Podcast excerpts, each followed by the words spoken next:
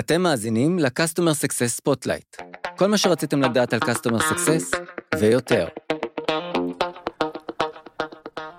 ברוכים הבאים וברוכות הבאות לתוכנית Customer Success Spotlight.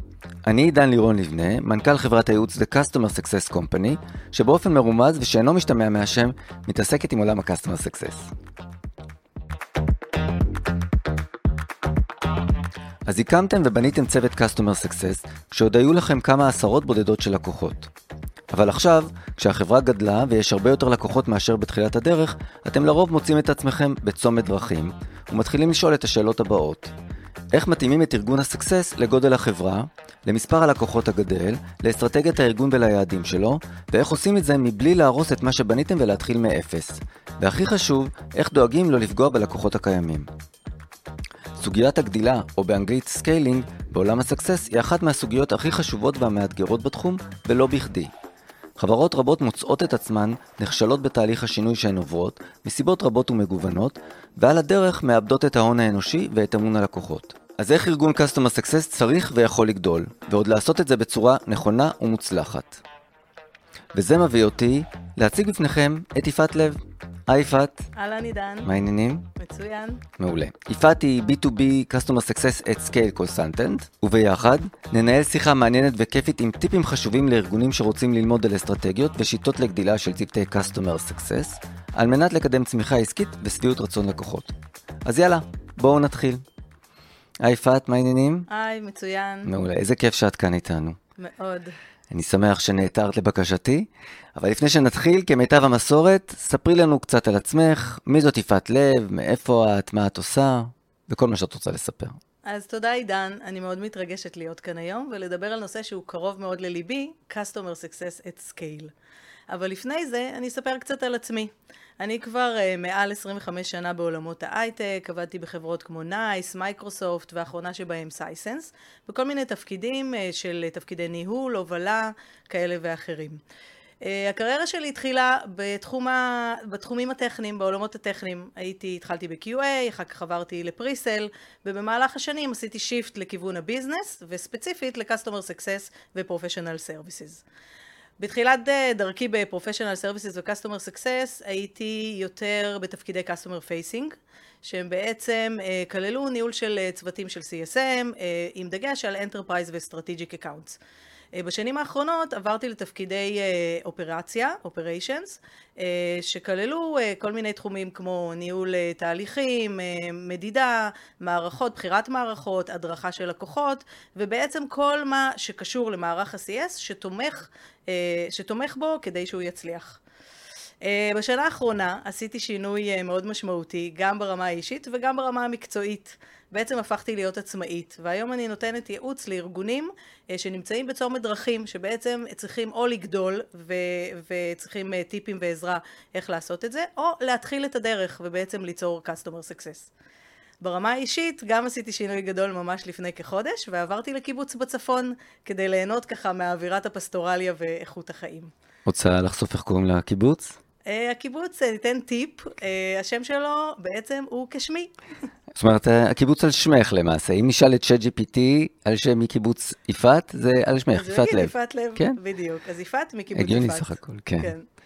Uh, מהמם. Uh, קודם כל, מי שלא הבין, מי שמקשיב, יש פה מומחית uh, לסקייל ברמה עולמית, אז תקשיבו טוב טוב לפרק הזה, המלצה חמה.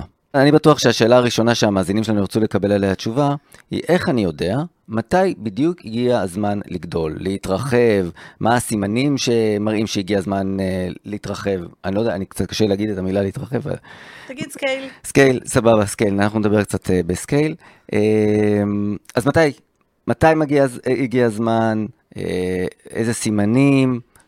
שבהם צריכים להגדיל את הצוות של ה-Customer Success, לעשות scaling ל-Customer Success. אז שאלה מעולה, אבל לפני זה אני רוצה רגע לעמוד על מה זה scale. כי בעצם כשאתה אומר למישהו scale, אז הוא יכול להתייחס לזה בכל מיני אופנים. מצוין. אז קודם כל scale, כמו שזה נשמע וככה באופן הכי אינטואיטיבי, זה באמת להגדיל את, ה, את הארגון שלנו, את גוף ה-Customer Success, ובעצם באמת מדובר על אה, להגדיר את המבנה של ה-Customer Success אולי באופן אחר, אה, בעלי תפקידים אה, אולי טיפה אחרים, להגדיר ממש את הסקיל סט שנדרש לכל תפקיד, וכמובן איך תמדד הצלחה של כל תפקיד.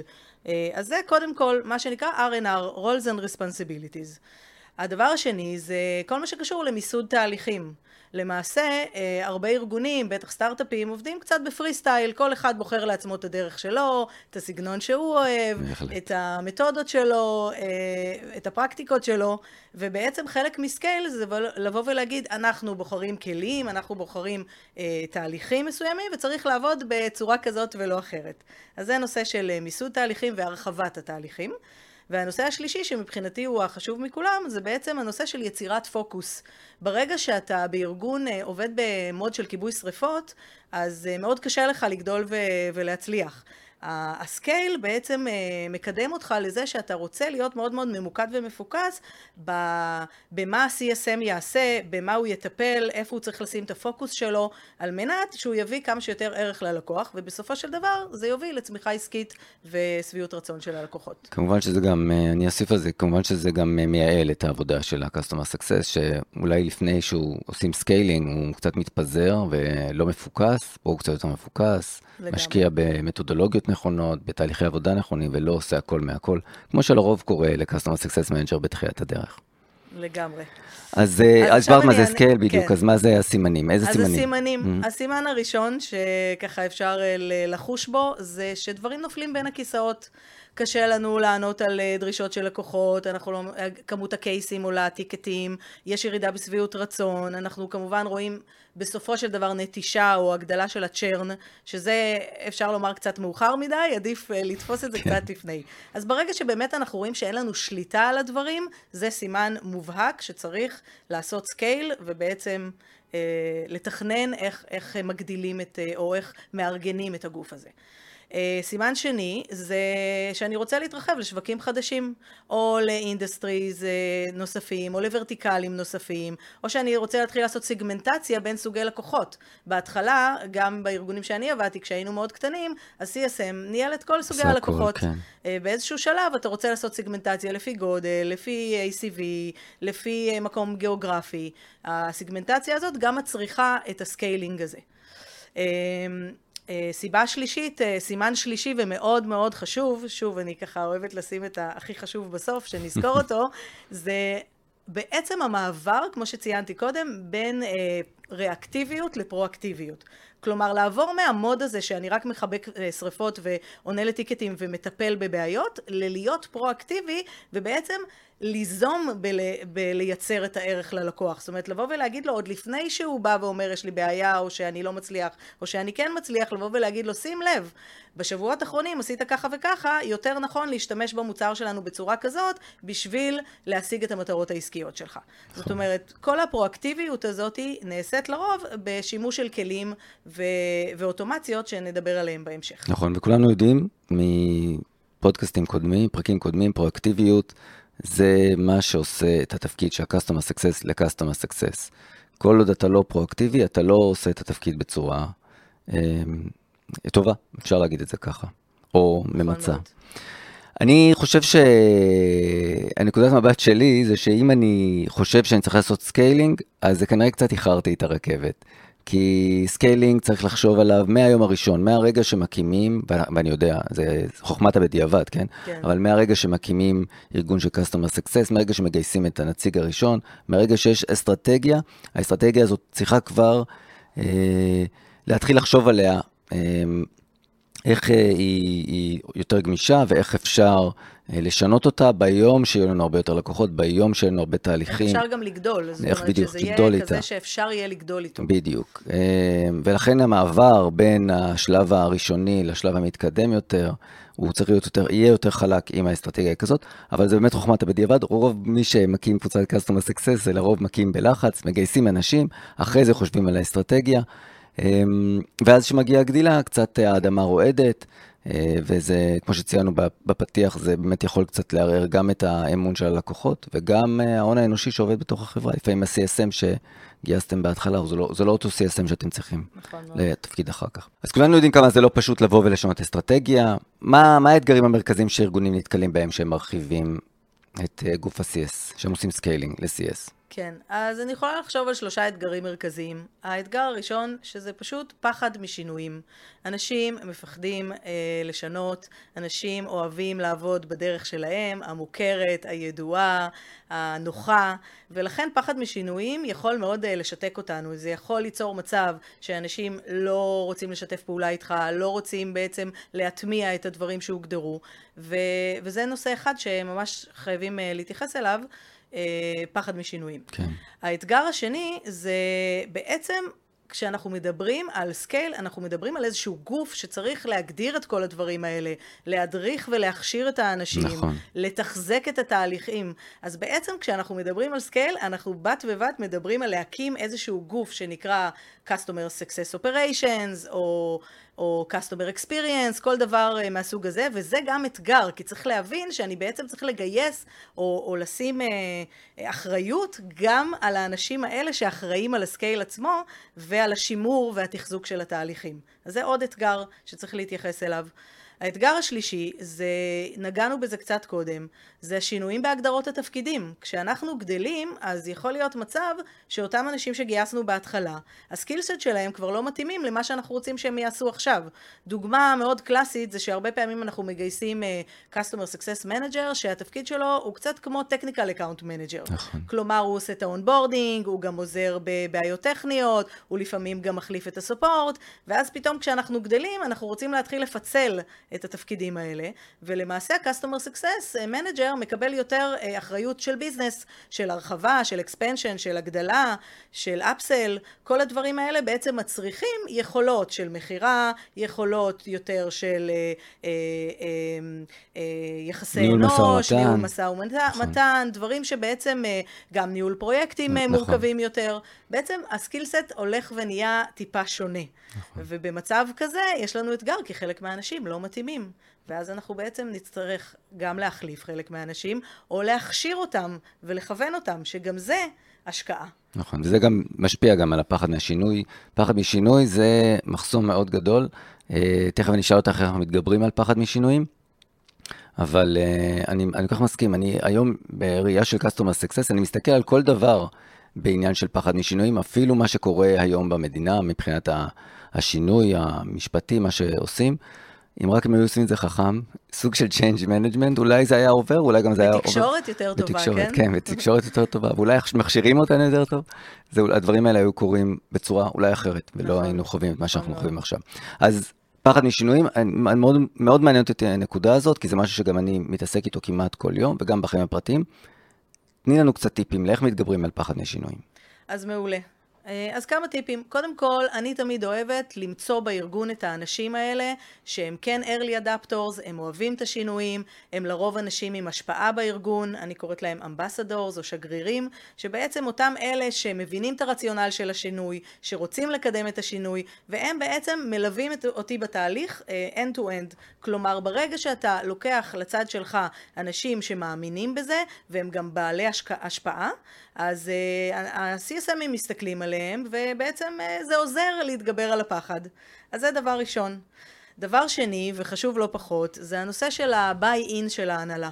כלומר, לצאת לכזה מהלך uh, מצריך חד משמעית גם תקשור אה, לכל ההנהלה ולא להישאר רק בגוף ה-CS ולהגיד טוב אנחנו נעשה את השינויים מתחת לרדאר אבל ברגע שנהיה מוכנים נצא החוצה ונגיד לאנשי הסיילס אתם יודעים מה? בעצם שינינו פה את התהליך עכשיו תעשו ככה וככה. כן. זה לא עובד ככה. נכון. כל השינוי הזה צריך לעשות אותו ממש בהתחלה וגם לקבל את ה-buy in של המנהלים כלומר שהם יסכימו לזה שהם יחשבו שזה נכון וחשוב לעשות את זה ואז בעצם כל הארגון נרתם לשינוי. נכון זה חייב לבוא מלמעלה. אנחנו קוראים לזה בשפה בשפה שלנו, ביזנס ספונסר או אקזקיוטיב ספונסר, חייבים, בטח לשינוי כזה גדול, מישהו מלמעלה ברמת C-Level, נכון. אפילו עדיפות ל-CEO, אמ, שממש יגיד, זה השינוי שאנחנו יכולים לעשות, כמובן הוא צריך להבין מה השינוי. נכון. ולהוריד אותו למטה, וגם, לא רק להוריד אותו למטה, אלא גם לנטר את זה ולבדוק, ולהעלות את זה בישיבות השבועיות, היומיות, מה שלא צריך, כי כל עוד אין את ה-buy-in הזה, באמת השינוי, הסבירות שהוא יצליח היא יותר נמוכה, וזה נכון גם דרך אגב אצל הלקוח, שאנחנו עושים אצל הלקוח איזשהו שינוי, רוצים לעשות איזשהו, איזשהו שינוי, רוצים לשנות את השיח, אנחנו חייבים אה, ספונסר מהצד של הלקוח, נכון. כי אחרת זה באמת לא יקרה. יש לנו, אז דיברנו על שגרירים, דיברנו על ביי-אין, מה... הנושא השלישי, שאני גם כן מאוד מחוברת אליו, כי אני מחוברת לנושא של... אה, סקרים, פידבקים ואיסוף משוב באופן כללי, זה באמת לייצר איזשהו מנגנון של איסוף פידבק או משוב באופן שוטף. כלומר, בסדר, בניתם תוכנית מדהימה, חשבתם שזה בדיוק מה שצריך לעשות, התחלתם לעבוד, בחרתם אפילו כלי, ופתאום אתם רואים שזה לא זה. אנשים קשה להם, אה, זה לא מדויק להם, זה overhead גדול בשבילהם. אז בואו נאסוף את הפידבק באופן שוטף במהלך כל השינוי, ולא רק בסוף או בהתחלה, וזה יאפשר לנו לעשות את התיקונים האלה על הדרך. וכמובן לעשות משהו עם הפידבק, לא רק לאסוף. ברור, כן, לא continuous improvement. בדיוק, יש לנו נטייה לאסוף uh, פידבקים, וגם אותו דבר גם מבחינת הלקוחות, לשגע את הלקוחות, לשלוח להם, uh, בואו תמלאו CSAT על ה-support, תמלאו CSAT על... זה, אבל אנחנו לא עושים שום דבר. לא מפרסמים תוצאות ולא עושים עם זה שום דבר. נכון. אז את כל ה-life cycle של פידבק, איסוף, אה, ניתוח, הצגת תוצאות וכמובן לקיחת action item. נכון מאוד. דרך אגב, זה מביא אותי, מביא אותי לנקודה האחרונה של פרסום של סיפורי הצלחה. עכשיו, דרך אגב, אה, גם אפשר לפרסם את התוצאות של הפידבק ולראות איך בעקבות אה, מה שאמרו אנשים, שינינו נכון. את, ה, את, ה, את, ה, את הדרך שלנו, את התוכן שלנו, אולי הורדנו תהליכים מורכבים ומסובכים, החלפנו אותם במשהו פשוט, אבל לגבי הפרסום של סיפורי הצלחה, אני רוצה להגיד רגע מילה. אה, זה מאוד מדרבן, כי בעצם כשאתה רואה, נגיד CSMים אחרים שהצליחו, או לקוחות שהצליחו בעקבות זה שאנחנו יצרנו את הפוקוס הזה, או יצרנו כל מיני אוטומציות שיעזרו לנו לזהות איפה אנחנו צריכים כ-CSMים אה, להתמקד, בעצם הסיפורי הצלחה הם מראים לנו מה התוצאה הסופית והם, אה, והם עוזרים להוריד את הפחד. נכון. אז מאוד חשוב לפרסם סיפורי הצלחה, גם פנימית בתוך הערוצי תקשורת של הארגון וגם אם אפשר חיצונית, אפילו עם הלקוחות, באישור הלקוחות, זה מאוד מאוד חזק וזה מאוד עוזר להתגבר על הפחד. נכון, ואנחנו גם uh, נשמע עוד מעט סיפור הצלחה. uh, ממך. אז יפעת, אנחנו כבר יודעים לזהות מתי צריך לגדול ומה האתגרים העיקריים. אני בטוח שיש כלים שיכולים לעזור לנו לתמוך בנו בתהליך הזה, נכון? כן, אז היום, אתה יודע, בעולם של הג'נרטיב AI ובצ'אט GPT יש עשרות כלים וכל יום יוצא איזה כלי אחר ויש חבר... כמעט כל החברות מאמצות את הנושא הזה של ה-AI אליהם. נכון. אז כך שכלים לא חסר, אבל אני כן רוצה להתמקד איך בוחרים את הכלי הנכון ומה חשוב אה, אה, גם בבחירה וגם איך אנחנו רוצים להשתמש בו, מה הוא אמור לתת לנו. נכון. אז אוקיי. נתחיל קודם כל במשהו שכל מי שמכיר אותי יודע שאני אומרת כל פעם שמדברים איתי על כלים ומערכות. לפחות, זה תדאגו שהמערכת תעבוד בשבילכם, ולא אתם תעבדו בשביל המערכת. נקודה חשובה מאוד, לפעמים אנחנו מרגישים עבדים של המערכות. בדיוק. גם בעיקר, ואני יכול להגיד בעולם ה-customer success, יש מערכות מאוד מורכבות, מאוד יפות, אבל לפעמים אתה צריך לעבוד כל כך קשה כדי להוציא מהם ערך. וזה מייאש. נכון, ולכן הדרך לבחור מערכת מידע היא קודם כל שהיא תהיה פשוטה. ה-user interface שלה צריך להיות פשוט, היא צריכה להיות מערכת גמישה שתתממשק למערכות הקיימות שיש לנו בארגון. אנחנו לא רוצים עכשיו להתחיל לשנות את כל העולם שלנו ואת כל הדרך שבה אנחנו עובדים, אם אנחנו עובדים עם CRM כזה או אחר, או אם אנחנו עובדים עם מערכת הקלטת אה, שיחות של לקוחות, או אם אנחנו עובדים עם אה, מערכת ticketing של support, אנחנו רוצים שהמערכת שאנחנו נבחר תתממשק למערכות הקיימות, ואם זה Slack או, או כל דבר אחר. ולכן שלושה דברים שאני אומרת עוד לפני שאנחנו ככה בוחנים את היכולות העמוקות של המערכת, זה פשטות, mm-hmm. גמישות, ושהמערכת תעבוד בשבילנו ולא אנחנו בשבילה. מצוין, אנחנו צריכים לחשוב על ראשי תיבות לדבר הזה. סבבה, אז עכשיו בואו נדבר קצת מה חשוב uh, uh, uh, לבחון כשאנחנו בוחרים כלים. אז קודם כל, המהות והמטרה של כלים, מההתחלה ועד הסוף, זה לזהות סיכונים והזדמנויות. אנחנו, כשהמשאב של ה-CSM הוא כל כך יקר, וכשיש לנו כל כך הרבה דברים לעשות, והרבה פעמים המון לקוחות שאנחנו מנהלים, אנחנו רוצים שתהיה מערכת שבאופן פרו-אקטיבי תזהה עבורנו איפה יש לקוח שהוא נכנס לסיכון, ואיפה יש לקוח שיש לו low-hanging fruits, שאני יכול לייצר ממנו הזדמנות. נכון, בהתאם ל- ליעדים שהחברה כמובן הגדירה, כל חברה מגדירה בצורה אחרת את היעדים שלה ואת ה-KPIים שלה, אז, אז בהחלט אני מסכים. חברה, המערכת צריכה לעזור לי לזהות, אפילו היום עם המערכות המתקדמות, כמו שציינת, אה, ChatGPT, Generative AI, אפילו לתת לי סוג של המלצות איך אפשר להתמודד עם זה. נכון מאוד. זאת אומרת, זה לא נגמר בבוא שים לב, הלקוח הזה אה, יש לו בעיה, אלא actionable insights. נכון. אנחנו רוצים ממש שיהיה insight אה, שברור לי כ-CSM מה אני צריך לעשות. וזה באמת מוביל אותי לנקודה השנייה של הכלים הם באמת מאוד עוזרים בהטמעה של התהליכים. Mm-hmm. כי בעצם רוב הכלים, או אלה שאנחנו נרצה לבחור, יש להם הגדרות של workflows, ויש להם גם פלייבוקים. כלומר, בואו ניקח רגע דוגמה, נניח שאני אה, רוצה לטפל בתהליך ה-Sales to CS Handover. האיש המכירות אה, אה, עשה מכירה, הוא רוצה להעביר לי את הלקוח, אני ה-CS, יש כל מיני תהליכים שצריכים לקרות, הוא צריך אולי למלא איזשהו טופס, אני צריכה ללמוד על הלקוח, אנחנו צריכים לעשות פגישה משותפת, כל הדברים האלה יכולים להיות מעוגנים בצורה מאוד פשוטה ב-workflows, ששולחים גם נוטיפיקציות ואומרים מתי מי צריך לעשות מה. Mm-hmm. אז הדבר הזה באמת מאוד מאוד uh, מייעל, דיברנו על efficiency, נכון. את, את עבודת ה-CSM, וגורם לו לא לשכוח. ודרך אגב, לא רק ה-CSM, במקרה הזה אנחנו רואים דוגמה עם ממשק של, uh, של סיילס. כן. אז גם זה. אז הנושא הזה באמת של uh, uh, עזרה בהטמעת התהליכים הוא מאוד מאוד קריטי בכלים. הדבר שאני מאוד מאוד אוהבת בכלים, זה, וגם נגענו בזה טיפה קודם, זה שהם עוזרים לנו בעצם לראות את מה שאנחנו לא רואים. שוב, בואו נדמיין רגע CSM שיש לו 20, 50 לקוחות שהוא מנהל. קל וחומר שהוא לא יצליח לזהות את כל לקוח, מה מצבו ואיפה הוא נמצא. נכון. ולכן אנחנו רוצים שהמערכות יעשו את זה בשבילו. על ידי כל מיני קריטריונים שאנחנו נגדיר, אם זה usage ו-adoption, אם זה לקוח ש, שהוא יותר מדי בסטגנציה המון זמן, הוא אמנם משתמש, אבל לא מתקדם. אתה יודע איך אומרים, לקוח שלא הולך קדימה, הולך אחורה. אחורה, נכון. או שעומד במקום, כן, הוא הולך אחורה. בדיוק. כן. אתה יודע, זה נגיד הנושא הזה של לקוחות שהם neutral כאלה, כן. שהם בסטגנציה, הוא גם ב-CSAT. גם ב-CSAT אנחנו אומרים, אנחנו רק מטפלים באלה שהם דיטרקטורים, נכון. או באלה שהם פרומוטרים. אבל הכי מסוכנים זה ה-neutral האלה. נכון. למה? בגלל שהם בקלות יכולים להפוך להיות דיטרקטורים, והם גם הפוטנציאל שלנו להפוך להיות פרומוטרים. עוד נקודה שאולי נדגיש אותה, זה הנושא הזה של באמת... פרסונליזציה, זאת אומרת, הכלים יכולים לייצר לנו personalized customer management. אנחנו היום כבר מבינים שלקוח X, הטיפול בו הוא לא בהכרח כמו לקוח Y, ולכן היינו רוצים שהכלים יעזרו לנו, בעזרת גם זה שנבין מה כל לקוח מנסה להשיג, מה היעדים העסקיים שלו, ואיך הוא משתמש במוצר שלנו, להתאים לו ממש את השימוש במוצר שלנו באופן הכי מדויק שיש. נכון. וזה הכלים עושים גם אה, כלי כמו journeys למשל.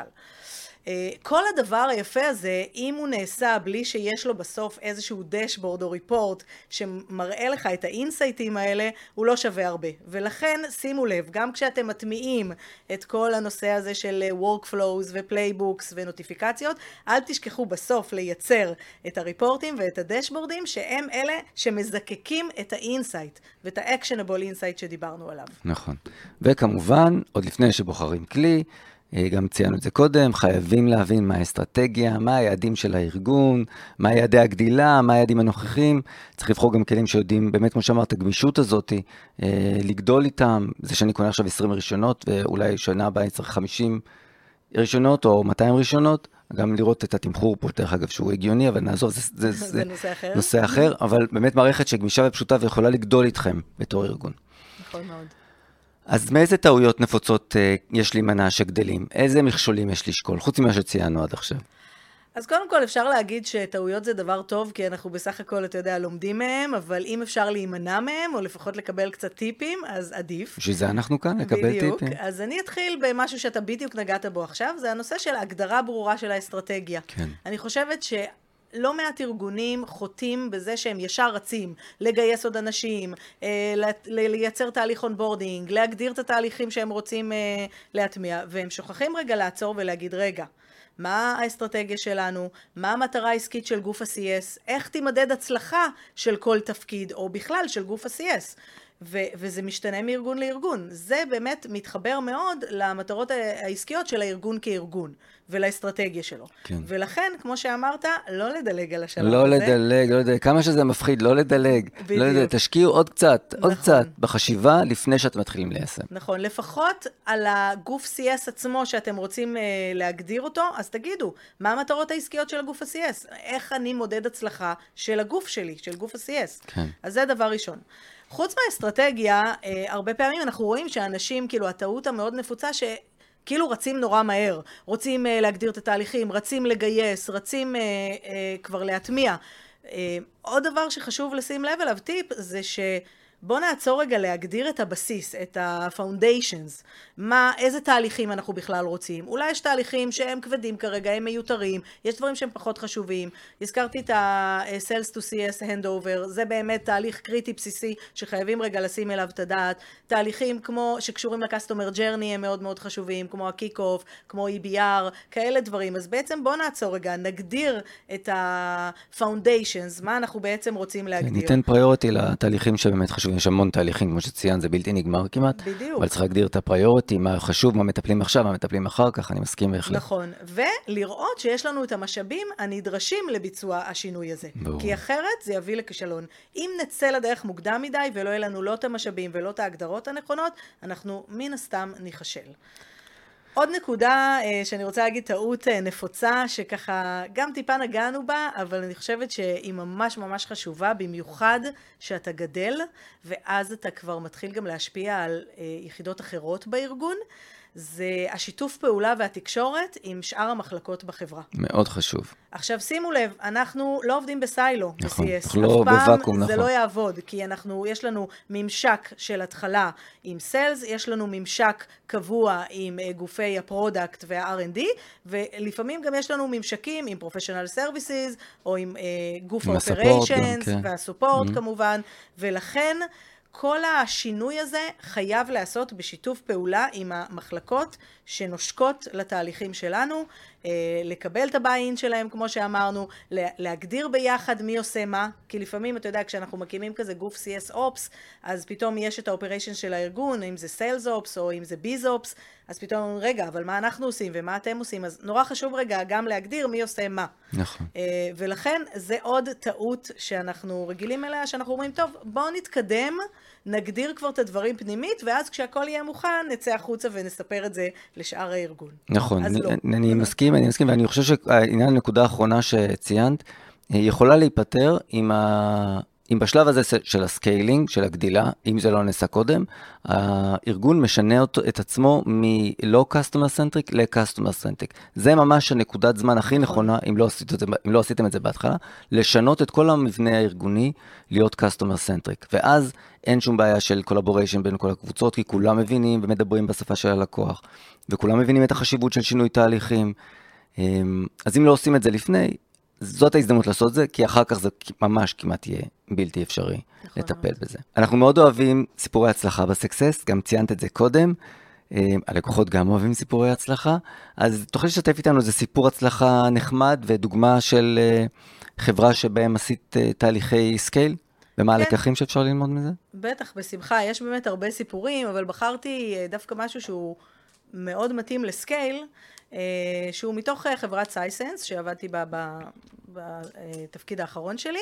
אה, חברה שיש בה כ-200 אנשי CS אה, שמתחלקים שליש שליש שליש CSM, Professional Services ו-Support, לפחות זה היה בתקופה שאני הייתי שם, יש כ-2,500 לקוחות ויש ARR של 150 מיליון דולר. זאת אומרת, אנחנו מדברים על גוף CS רובסטי, גדול, שעשה כמובן scale עם השנים, ואני הובלתי את ה-scale הזה בחלק נכבד מה, מהשלבים. ובאמת באיזשהו שלב אנחנו הבנו שנכון שאי אפשר להסתכל רק על ציון אחד או על מדד אחד ולבוא להגיד זה משקף את הכל, נכון. אבל בסוף אנחנו רוצים להתחיל איפשהו. ומה שאנחנו קוראים לו ה-health score או mm-hmm. המדד בריאות, הוא, הוא uh, התחלה טובה. זאת אומרת, זה עוזר לנו בעצם לבוא ולהגיד, אוקיי, יש פה איזה לקוח שצריכים לשים לב אליו. או יש פה איזה לקוח שהוא מעולה, הוא ירוק, בוא, בוא נרחיב אותו, בוא נגדיל אותו, בוא נייצר לו הזדמנות גדילה. ולכן בעצם מה, מה עשינו? יצרנו איזשהו מודל רובסטי של הלדסקור, שמה שהיה מאוד יפה בו זה שהוא ניזון כמעט באופן אוטומטי מכל המערכות האחרות שעבדנו איתן. כלומר, אני חוזרת לנקודה, אל תעבדו בשביל המערכת, נכון, המערכת כן. צריכה לעבוד בשבילכם. אז אתה רואה, זה גם walk the talk, אני לא רק מדברת את זה, באמת זה מה שעשינו. זאת אומרת, הלכנו ולקחנו את מערכת הגונג שלנו, שידעה להקליט את השיחות עם הלקוחות ולתת לנו אנליזות, והכנסנו אותה לתוך המודל. Mm-hmm. ידענו להסתכל על ה product usage, שבמקרה שלנו זה מתוך Sisense, אנחנו רואים את זה, אבל היה לנו את הדאטה, והאזנו אותו לתוך המודל. היה לנו את ה-CSAT שהאזנו לתוך המודל, היה לנו את הטיקטים של הסופורט. המערכות היה... דיברו אחד עם השני. בדיוק, כל כן. המערכות בעצם יצרו לנו איזשהו מודל רובסטי, mm-hmm. שיכל לתת לנו בסופו של דבר איזשהו ציון בריאות כזה או אחר, אה, ו- וזאת הייתה נקודת ההתחלה. בעצם בנינו אה, ארבעה פילרים שעליהם הסתכלנו. עכשיו אם אתה שואל אותי מקצועית, זה יותר נכון להסתכל על כל אחד מהפילרים בנפרד, כי בסוף הציון הזה הוא איכשהו כאילו אה, מנרמל את הכל, או עושה איזשהו סוג של ממוצע. אה, למרות שיש משקלות, אבל בסופו של דבר, כשאתה כבר רואה ציון שהוא נגיד, לא יודעת מה, 70, או 65, mm-hmm. שזה לא ציון כזה מדהים, אתה רוצה רגע להבין איך הגענו, כן. אז אתה כבר יורד באמת לרמת הפילרים. ואיזה פילרים היו לנו? היו לנו ארבעה פילרים. היה לנו את הפילר של ה-usage, שזה בעצם adoption, ולראות mm-hmm. כמה הלקוח משתמש, שגם פה יש כל מיני מדדים, איך אתה מודד ואיך אתה זה. מאוד חשוב אה, לעשות את זה פשוט. לא להתחיל עכשיו לתת 20-30 מדדי usage. כן, זה לא... אנחנו נתנו שלושה, וזה היה די ויותר. אז usage mm-hmm. כמדד אה, משמעותי. היה לנו את מדד ה relationship, שהוא סופר חשוב, הזכרת את ה executive sponsors, כן. ואת הקשרים שלנו עם הלקוחות נכון. שלנו, שזה חד משמעי אה, ב essence, בבסיס של תפקיד ה-CSM, ליצור את ה relationship האלה ואת האמון, מה שאנחנו קוראים Trusted Advisor, ולכן אה, הסתכלנו מאוד על הריליישנשיפ, אפרופו דרך גונג, mm-hmm. כמה פעמים דיברנו עם הלקוח, ושוב, היה לנו אה, הגדרות, אם זה לקוח נגיד אסטרטגי, אנחנו צריכים לדבר איתו לפחות פעם בחודש, כן. ועם האקזקיוטיב נגיד פעם ברבעון. אז את כל הדברים האלה גם הגדרנו את המדד וגם יכולנו אותם, כן. אה, למדוד אותו mm-hmm. בלי ש-CSM יגיד כן נפגשתי, לא נפגשתי, בלי שהוא ימלא שורה אחת בתוך הסיילספורס. אז זה היה הנושא של הריליישנשיפ. Mm-hmm. הנושא השלישי שהרבה פעמים אנשים שוכחים ממנו, ואני חושבת שהוא סופר חשוב, ולכן גם במשקלות נתנו לו את המשקל הגבוה ביותר, זה הסנטימנט, מה שנקרא CSM סנטימנט. Okay. זה בעצם אותו... מדד סובייקטיבי mm-hmm. שנותן ה-CSM בעקבות ההיכרות שלו ומערכת היחסים והאמון שיש לו עם הלקוח. למשל, אני ואתה מדברים, אתה הלקוח שלי ואתה mm-hmm. מספר לי שאתה לא מרוצה ושאתה מתחיל לחפש עבודה.